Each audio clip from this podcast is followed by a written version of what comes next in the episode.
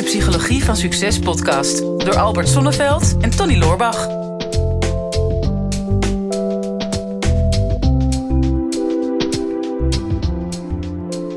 Nou, daar, eh, daar gaan we weer, eh, Tony. Een, eh, een nieuwe aflevering over het meest populaire onderwerp ooit. Is dat zo? Ja, tenminste als, heel we- als we ergens vragen over hebben, dan is het wel over dit onderwerp. Ja, het altijd lastig als jij ergens mee komt en ik weet niet waar je naartoe gaat. Ja, je wilt natuurlijk het liefst alles onder controle hebben, volgens mij, Tony. Ja, niet? klopt. Ja, Ja. ik voel een bruggetje aankomen. Ja, dat is er. Eh, en niet alleen een bruggetje, dat is echt een massieve brug. Want eh, het gaat over controle houden. Controle. En, eh, maar vooral ook hoe laat je het los. Hm. En Dat dat is- weet ik niet. Vraag je aan mij. Ja, nee, is, dat gaan we, in deze podcast gaan we dat nou, in ieder geval doornemen en mensen wat tips en adviezen geven. En misschien ook kijken naar de oorzaak, want iedereen die zegt wel van ja, je vindt het moeilijk om controle los te laten. Maar waar komt dat nou eigenlijk vandaan? Enig idee. Waar dat vandaan komt. Oh. Nou, dat zal ongetwijfeld iets met... Ja, dit is echt overhoringen. Professor Zonneveld zit voor. Ja, nee... eh, Mag je multiple choice antwoorden hoor, Tony? nou, het zal wel iets met overlevingsdrang te maken hebben. Als je een situatie kan, eh, kan controleren, dan, ehm, dan is er geen gevaar. Nee. En als er geen gevaar is, dan is de kans op overleving groter. Ja, nou ja, sowieso. Er zijn, er zijn een aantal gebeurtenissen, denk ik, eh, in een mensenleven die ervoor kunnen zorgen dat je eh, na die gebeurtenis eh, extreme behoefte hebt om de boel nog onder controle te houden. Dat is meestal eh, periodes of situaties waarin je voor jouw gevoel de, de controle compleet bent kwijtgeraakt. Mhm. Meestal zijn dat traumatische ervaringen. Hè, dus als je iets heftigs hebt meegemaakt, en dat kan van alles zijn: een ongeluk of een extreme ruzie of een bedreigende situatie, soms een enkelvoudig trauma, eh, iets wat jou is overkomen. Je hebt in één keer eh, een bankoverval meegemaakt of, Of zelf uitgevoerd. of zelf uitgevoerd. Kan ook eh, traumatisch zijn. Ligt eraan hoe het Of het afgelopen is. of niet. en meestal loopt dat niet zo goed af. Hè? Mhm. Eh, ik weet niet of misdaad loont, maar in sommige gevallen wel. Maar, maar zoiets, hè, enkelvoudig. Maar er zijn ook mensen die. van de week had ik nog een, een cliënt die eigenlijk een hele jeugd een gevoel heeft gehad van bedreigend, niet veilig heeft gevoeld. Nou, en dan kun je je voorstellen als, als er altijd zo'n chronisch gevoel van, van dreigement boven je hoofd hangt. Als je daar 's morgens mee wakker wordt in dat huis en je gaat ermee slapen en je voelt je nooit veilig. Dan natuurlijk is er dan een mechanisme wat ervoor zorgt, ehm, of in ieder geval voor wil zorgen om de boel onder controle te houden. En zo ontstaan er allerlei mechanismes. Hè. Dus eh, we zien bijvoorbeeld bij mensen die anorexia gaan ontwikkelen. Die hebben voor hun gevoel vaak heel weinig grip op hun leven. Maar het enige waar ze dan nog wel controle op hebben, is wat ze zelf in hun mond stoppen Mhm. of niet. Nou ja, dat is, al, dat is al een voorbeeld. Dat is een vrij extreem voorbeeld. Maar zo zijn er ook kleine dwangmatigheden. Dus mensen zeggen, ja, ik moet de deurklink twee keer aan eh, raken voordat ik er doorheen kan lopen. Nou, dan zie je al dat dat vrij ernstige vormen van controledwang is. Sommige mensen willen, voordat ze gaan beginnen, alles precies recht op hun bureau hebben liggen. En dat geeft ze dan een soort houvast. Ja, waarom? Omdat misschien de rest van hun leven minder houvast geeft dan dat ze graag zouden willen. Ja, want je hebt natuurlijk op het controle is natuurlijk een beetje een illu- illusie. Hè? Je, hebt, je hebt op de meeste dingen die in je leven gebeuren, heb je gewoon geen controle. Nee. Ehm, alleen de enige controle die je hebt, is hoe jij reageert op alles wat je overkomt. Daar, daar, kan je, daar zou je energie in moeten steken. En niet op het controleren wat er precies jou overkomt. Maar als je daar moeite mee hebt en als je eh, vanuit een bepaalde onzekerheid leeft, hè, want het komt vaak vanuit onzekerheid, ja, dan ga je proberen om situaties te creëren die jij volledig onder controle hebt. Ja, Ehm, alleen, eh, ik, ja, ik, ik kan het redelijk uit ervaring spreken. Ik ben in de, in de kern een, eh, een prachtige, ik denk misschien wel volmaakte control freak. Mooier krijg je ze niet. nee. maar, ehm, maar dat is een illusie. Hè? Je, zult, je zult nooit 100% eh, controle hebben over alles wat er in jouw leven gebeurt. Nee, nee. Behalve dat je dat dan weet. Hè. Dus wat ik altijd zeg, de, de enige constante is dat alles verandert in je leven. Ja. En, en kun je daarin meegaan. Maar als je bijvoorbeeld, hè, we hebben angst als voorbeeld gegeven als een traumatische ervaring, maar ook als je een laag zelfbeeld hebt, ehm, ja, dat geeft vaak ook een neiging om dingen te controleren. Hè? Want daarmee kun je dan de illusie naar buiten toe wekken van, nou ja, bij mij is niks aan de hand. Nou, als je kijkt naar de social media, dan zie je nogal wat mensen die denk ik, vanuit een vrij laag zelfbeeld zichzelf mooier willen profileren dan dat ze werkelijkheid zijn. Omdat Mhm. ze dan het idee hebben, als ik de buitenwereld maar kan controleren of kan sturen, door ze een ideaal beeld van mezelf te geven, Mhm. dan heb ik misschien mijn binnenwereld ook meer op controle, onder controle. En dat, dat is ook weer zo'n gek mechanisme. Want uiteindelijk de enige oplossing is dat je aan je zelfbeeld gaat werken. Ja, maar het is wel grappig in deze tijd. Dat, wat eigenlijk nieuw is, hè, de- eh, zeker in de tijd van, van social media, dat je kunt nu eh, bijna volledig controleren hoe andere mensen jou zien. In plaats van dat mensen jou zien zoals dat je zelf bent. En dat, en dat is een hele makkelijke vlucht eigenlijk. hè. Als je ontevreden bent over hoe je eruit ziet of, of wat mensen van je vinden, dan je kan een, een perceptie creëren die anders is dan dat jij bent, zodat je je, zodat je, je buitenwereld in principe controleert. Ja. Ik heb een tijdje geleden zelfs een bedrijf gezien die, die verkocht dat gewoon als dienst. Dan, als je dan bijvoorbeeld niet zoveel eh, volgers en, en likes op social media hebt, dan, dan, dan kun je dat bij hun kopen. Dus dan is Ja. iedere keer als jij dan iets online zet, dan gaan zij daar heel veel reacties op geven en heel veel liken, zodat de andere mensen denken, oh, wat is die jongen populair. En eh, je gaat dan naar de studio bij hun en dan ga je kun je een fotoshoot kopen. Waar ze jou dus fotograferen, bijvoorbeeld op een feestje. Met, alle, met heel veel eh, knappe mensen om jou heen. die overduidelijk jouw vrienden lijken te zijn. en, en, en, en een vakantie. daar. Dat is echt waar, dat kan je Ja, gewoon nee, kopen. ik hè? geloof het. Ja, en voor je het weet komen er heel veel liken uit de kast dan, of niet? Of- Ja, klopt. Nou ja, het, het idee is meer van hey, je zet een perceptie neer van kijk, ik ben gelukkig en ik ben succesvol en ik ga met allemaal hele mooie mensen om. Dus, dus die mensen die zullen wel een reden hebben om met mij om te gaan. Waardoor je ook op een organische manier leuke en mooie mensen gaat aantrekken. Nou. Ik weet niet of dat zo is. Ik wil het wel een keer testen. Het is gewoon speciaal voor deze podcast. Ja, ik, ik moet je zeggen, bij jou is het eigenlijk denk ik precies de andere kant. Hè. Je bent zo eh, immens populair geworden inmiddels. Ehm, heb je dat nog wel onder controle? Nee, nee, zeker, nee. Dus ik ben het tegenovergestelde aan het doen. Ik ben het aan het indammen. En hoe doe je dat dan, Tony?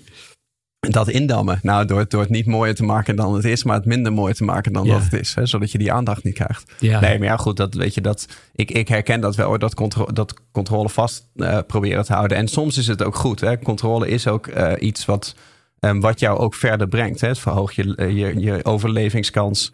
Eh, sommige beroepen heb je het ook nodig. Als je een koordanser bent, dan is controle hebben is wel, is wel handig. Hè? Of Ja. als je een examinator bent, dan is het ook goed dat je controle kan uitoefenen.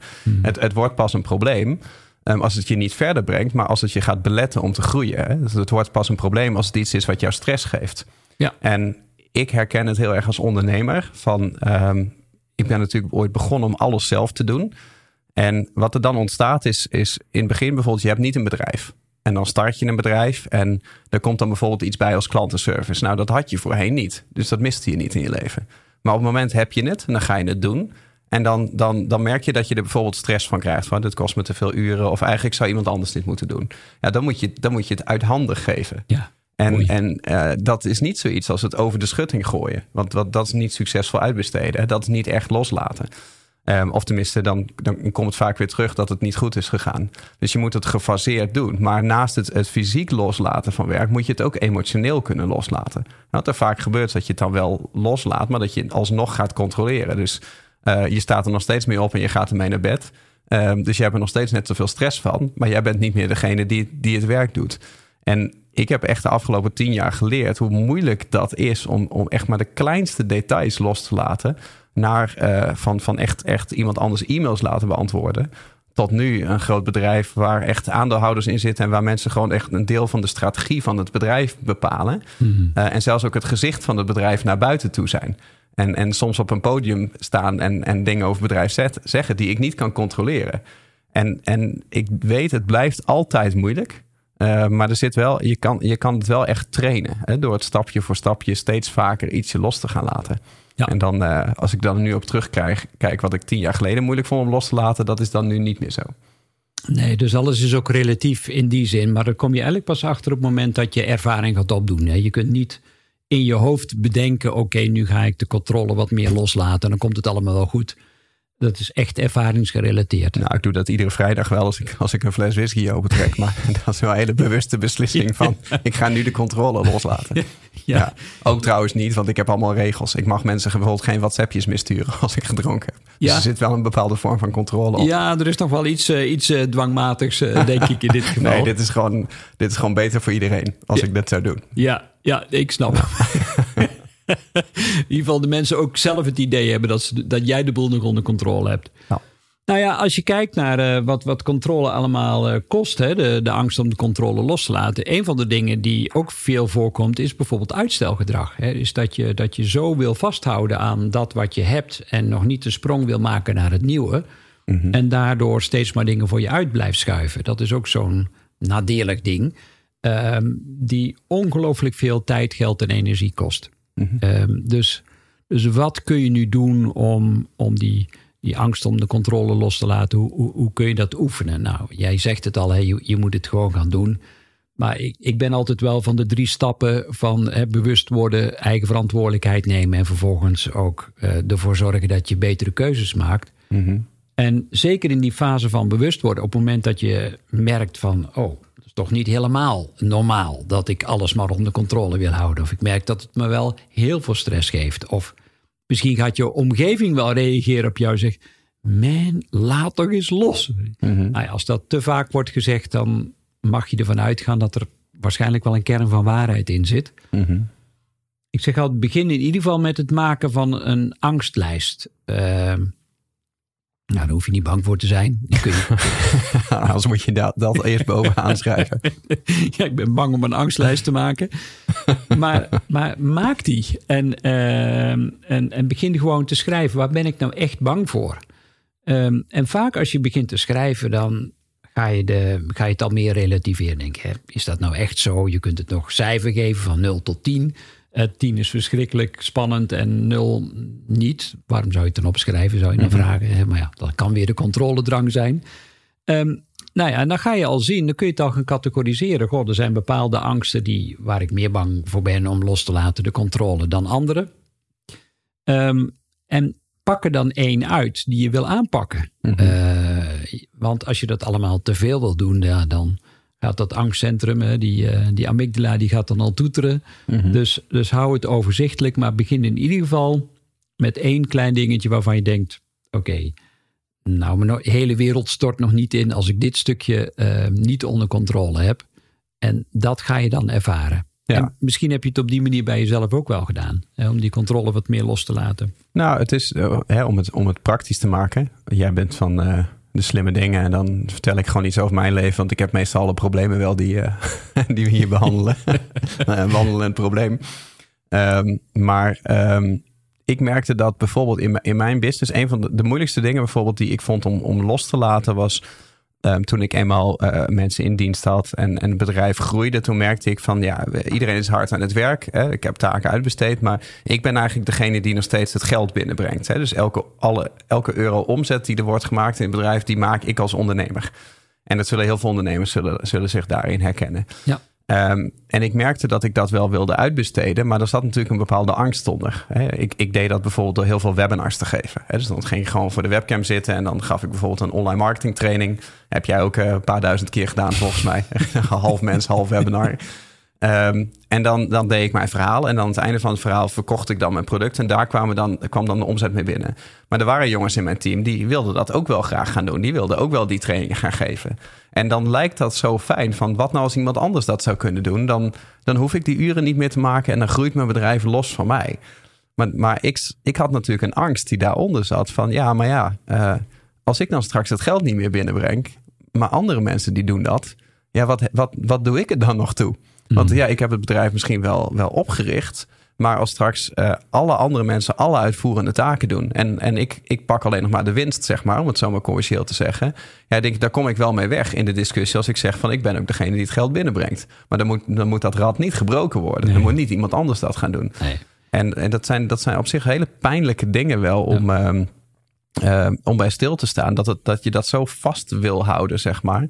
Um, omdat je ja, omdat je bang bent om erop achteruit te gaan. En dat ja. was deels dat persoonlijke. En deels natuurlijk, een ander zal het misschien niet net zo goed kunnen doen als ik. Um, en, en, en dat is ook een hele grote. Dat je eigenlijk alles wat je naar je toe hebt getrokken in je leven, dat je dat niet meer los durft te laten. Omdat je bang bent dat iemand anders het niet net zo goed zal doen als jij. Of dat nou ondernemen of producten verkopen is, of het, het opvoeden van de kinderen, of zelfs uh, ik breng de kinderen iedere ochtend naar school en uh, mijn partner zou dat ook wel eens een keer mogen doen. Dan ben je misschien bang dat hij dat niet net zo goed kan als jij. Dus, dan, dus dan laat je dat niet los. Nou, je, een hele mooie, dankjewel. En een hele eerlijke antwoord ook. Want de, de overtuiging die eronder zit is, ik doe er niet meer toe. Nou, om die overtuiging boven water te halen, dat is, dat is niet altijd even makkelijk. Hè? Want je mhm. kunt wel zeggen, ja, ik heb, uh, ik heb een angst om de controle los te laten. Maar dat is altijd dat is het symptoom, dat is het gevolg. En er zit altijd een overtuiging onder die dan maakt dat het zo spannend is om de controle los te laten. Mhm. En zo één, hè, je hebt veel aan jezelf gewerkt, dat weet ik. Eh, ik was er vaak bij. Ja, moest van heel ver komen. maar ik, ik, ik doe er niet toe of ik doe er niet meer toe. Ehm, ja, kan zo'n kan zo'n overtuiging zijn die, die eindeloos maar door blijft werken om, om er uiteindelijk voor te zorgen dat je krampachtig de touwtjes in handen wil blijven houden. Mhm. Totdat je, hè, wat ik altijd zeg, is dat je gaat merken dat er een beter alternatief is waardoor dat het wel kan. Hè. Je gaat het niet loslaten zolang als je nog niet het gevoel hebt dat het ene je nog iets oplevert. Mm controle geeft vaak de illusie van, ja, het levert me nog iets op. Nog grip of aanzien of inderdaad, ik doe er nog toe. Of mm geeft mij het gevoel dat ik nog verantwoordelijkheid kan houden. Of ehm, ja, dan weet ik zeker dat ik het eh, alleen kan doen en ik doe het het beste van iedereen. Ja, niemand er iets van kan zeggen. Dat niemand er iets van kan zeggen. Dus um, als je dit probleem hebt, wees dan heel eerlijk. En het helpt vaak ook als je dan of iemand uit je omgeving vraagt om feedback hierover, over dit gedrag. Hè? Want wat zie je mij nu steeds doen in bepaalde situaties? Of ja, eh, laat jezelf erop coachen. Want wat ik al zei, het kost onnodig veel tijd, geld en energie om steeds maar ja, de illusie te hebben dat je controle hebt. Hm. Um, Sommige mensen zijn er zelfs ook trots op. Die zeggen van, nou... Uh, in control. I'm, I'm, in control. Alsof dat uh, ja, een, een, een verdienste is. En dat kan misschien tijdelijk wel zo zijn. Maar voor mij telt maar één ding in mijn leven. Uh, heb ik nog een gevoel van keuze? En als je geen keuze meer hebt hè, in jouw beleving... Ja, dan kost het pas extra veel energie. Ja, en ik denk het zijn eigenlijk twee kanten. Nu hebben we het heel erg over... Um, wat je eraan zou hebben als je zelf de controle loslaat voor jouzelf. Want um, hè, wat we aangaven, op het moment dat dit jouw stress oplevert, dan beperkt het jou om, om te groeien, omdat je heel veel vasthoudt. En dat is ook een heel onnatuurlijk iets. Um, hè, dat, dat, je wordt in principe met niks geboren, zonder enige vorm van controle. dat heb je zelf niet gekozen, dat moment dat je komt. En je gaat meestal ook weer op het moment dat je niet zelf hebt gekozen. Hè? Dus hmm. een paar uitzonderingen dagen later. Maar Um, er is geen controle op het punt dat je komt en er is geen controle op het moment dat je weggaat. En het is een soort van illusie dat je op alles wat daartussenin zit, dat je daar controle op zou hebben. Want het, het, het leven overkomt je voor een heel groot gedeelte. En we hebben op de een of andere manier de neiging, ja, als, als kind ietsje minder dan naarmate we ouder worden, dat we gewoon een soort van verzameldrift krijgen. Dat alles wat we naar ons toetrekken in ons leven, dat willen we dan daarna niet meer kwijt. Uh, en dat, en dat, dat kunnen echt letterlijk werkprojecten zijn, maar dat kunnen ook taken in het huishouden zijn. Dat kunnen um, relaties zijn die emotioneel belastend zijn, of uh, vrienden waar je maar mij blijft afspreken terwijl je dat helemaal niet wil. Je, je verzamelt. Um, en we durven dat dan niet meer los te laten. En dan wordt het op een gegeven moment wordt het echt krampachtig vasthouden. Dat het echt het bloed uit je, uit je knuisjes is. en daar zit, daar zit die stress. Maar jij kunt pas groeien en je kan pas iets nieuws toevoegen als je, als je eerst ruimte maakt. Hè? Dus als hmm. je, als je eerst, eerst iets loslaat. Ja. Dus, dus het gaat er in je leven ook niet om hoeveel verzamel ik, maar uh, hoeveel geef ik door? Dat is een beetje het idee van de natuur. Hè? Dat, je hoeft maar één keer de Lion King te krijgen. Dan, dan, dan legt die leeuw die legt dat fantastisch uit. De circle of life. Van ja, we, wij, wij, we nemen datgene wat tot ons komt en we gebruiken dat en daarna geven we het weer door aan de volgende. En dat is eigenlijk de volgende stap in controle loslaten. Dat je het niet alleen voor jezelf doet, maar op het moment dat jij iets vasthoudt, dan ontneem je een ander de mogelijkheid om het van jou over te nemen. Ja, zeker weten. En, en ik heb dat in mijn bedrijf echt gezien. En bij mij was het, was het echt letterlijk eigenlijk omdat ik ook op het podium sta, zeg maar in de spotlight uh, te, te, te prediken. Of het nou een webinar was of een, een seminar. Ik denk, ja, als, als ik uit die spotlight ga, dan uh, komt er iemand anders uit de schaduw. En die kan dan in het licht gaan staan. En, hmm. en die kan dan groeien. En omdat die zich focust op dat stukje wat jij hebt losgelaten. En jij deed duizend en één dingen. Kan jouw opvolger, die kan er vaak beter in worden dan, dan dat jij ooit had kunnen zijn. Ja, dat is groei. Dat is groei. En, Maar dan is het ook groei bij een ander. En, en het is heerlijk als je zelf kan groeien. Maar het is, stiekem is het nog fijner als je andere mensen ook kan helpen groeien. Maar dan moet je, dan moet je ze wel die kans geven. Ja, dus, dus als we iets van een soort huiswerk zouden kunnen geven na het luisteren van deze podcast of het kijken van deze YouTube-film, is maak eens een beeld, een, een, een, een, een mooi beeld, uh, een visualisatie waarin jij aan het doorgeven bent. Wat geef je dan door wat je nu nog onder controle wil houden? Dat is een super mooie oefening om eens even tijd voor te nemen. En dan op het moment dat je dat doet en je hebt daar een heel helder beeld bij, weet ik zeker dat het dan al makkelijker wordt om de controle los te laten. Nou, lijkt mij, lijkt mij een perfecte afsluiter. Dus heb je zitten kijken naar deze YouTube-video en heb je hier ook een mening over? Ongetwijfeld, want we leven in Nederland en we hebben allemaal een mening. Dus ja, hier mag je hem vrijheid uiten. Uh, laat het even weten in de reacties op deze video. Of ja, als je de podcast zit te luisteren uh, en je wil echt iets kwijt, laat het dan weten in de, de reviews. Of uh, ga even naar de YouTube-video om daar een reactie achter te laten. Vergeet ook zeker niet even op de, op de duimpjes te klikken. Want uh, die hebben we hard nodig om uh, mensen te kunnen verblijden met deze boodschap. En dan zien we je graag weer bij een volgende aflevering. Dit is de Psychologie van Succes podcast door Albert Sonneveld en Tony Loorbach.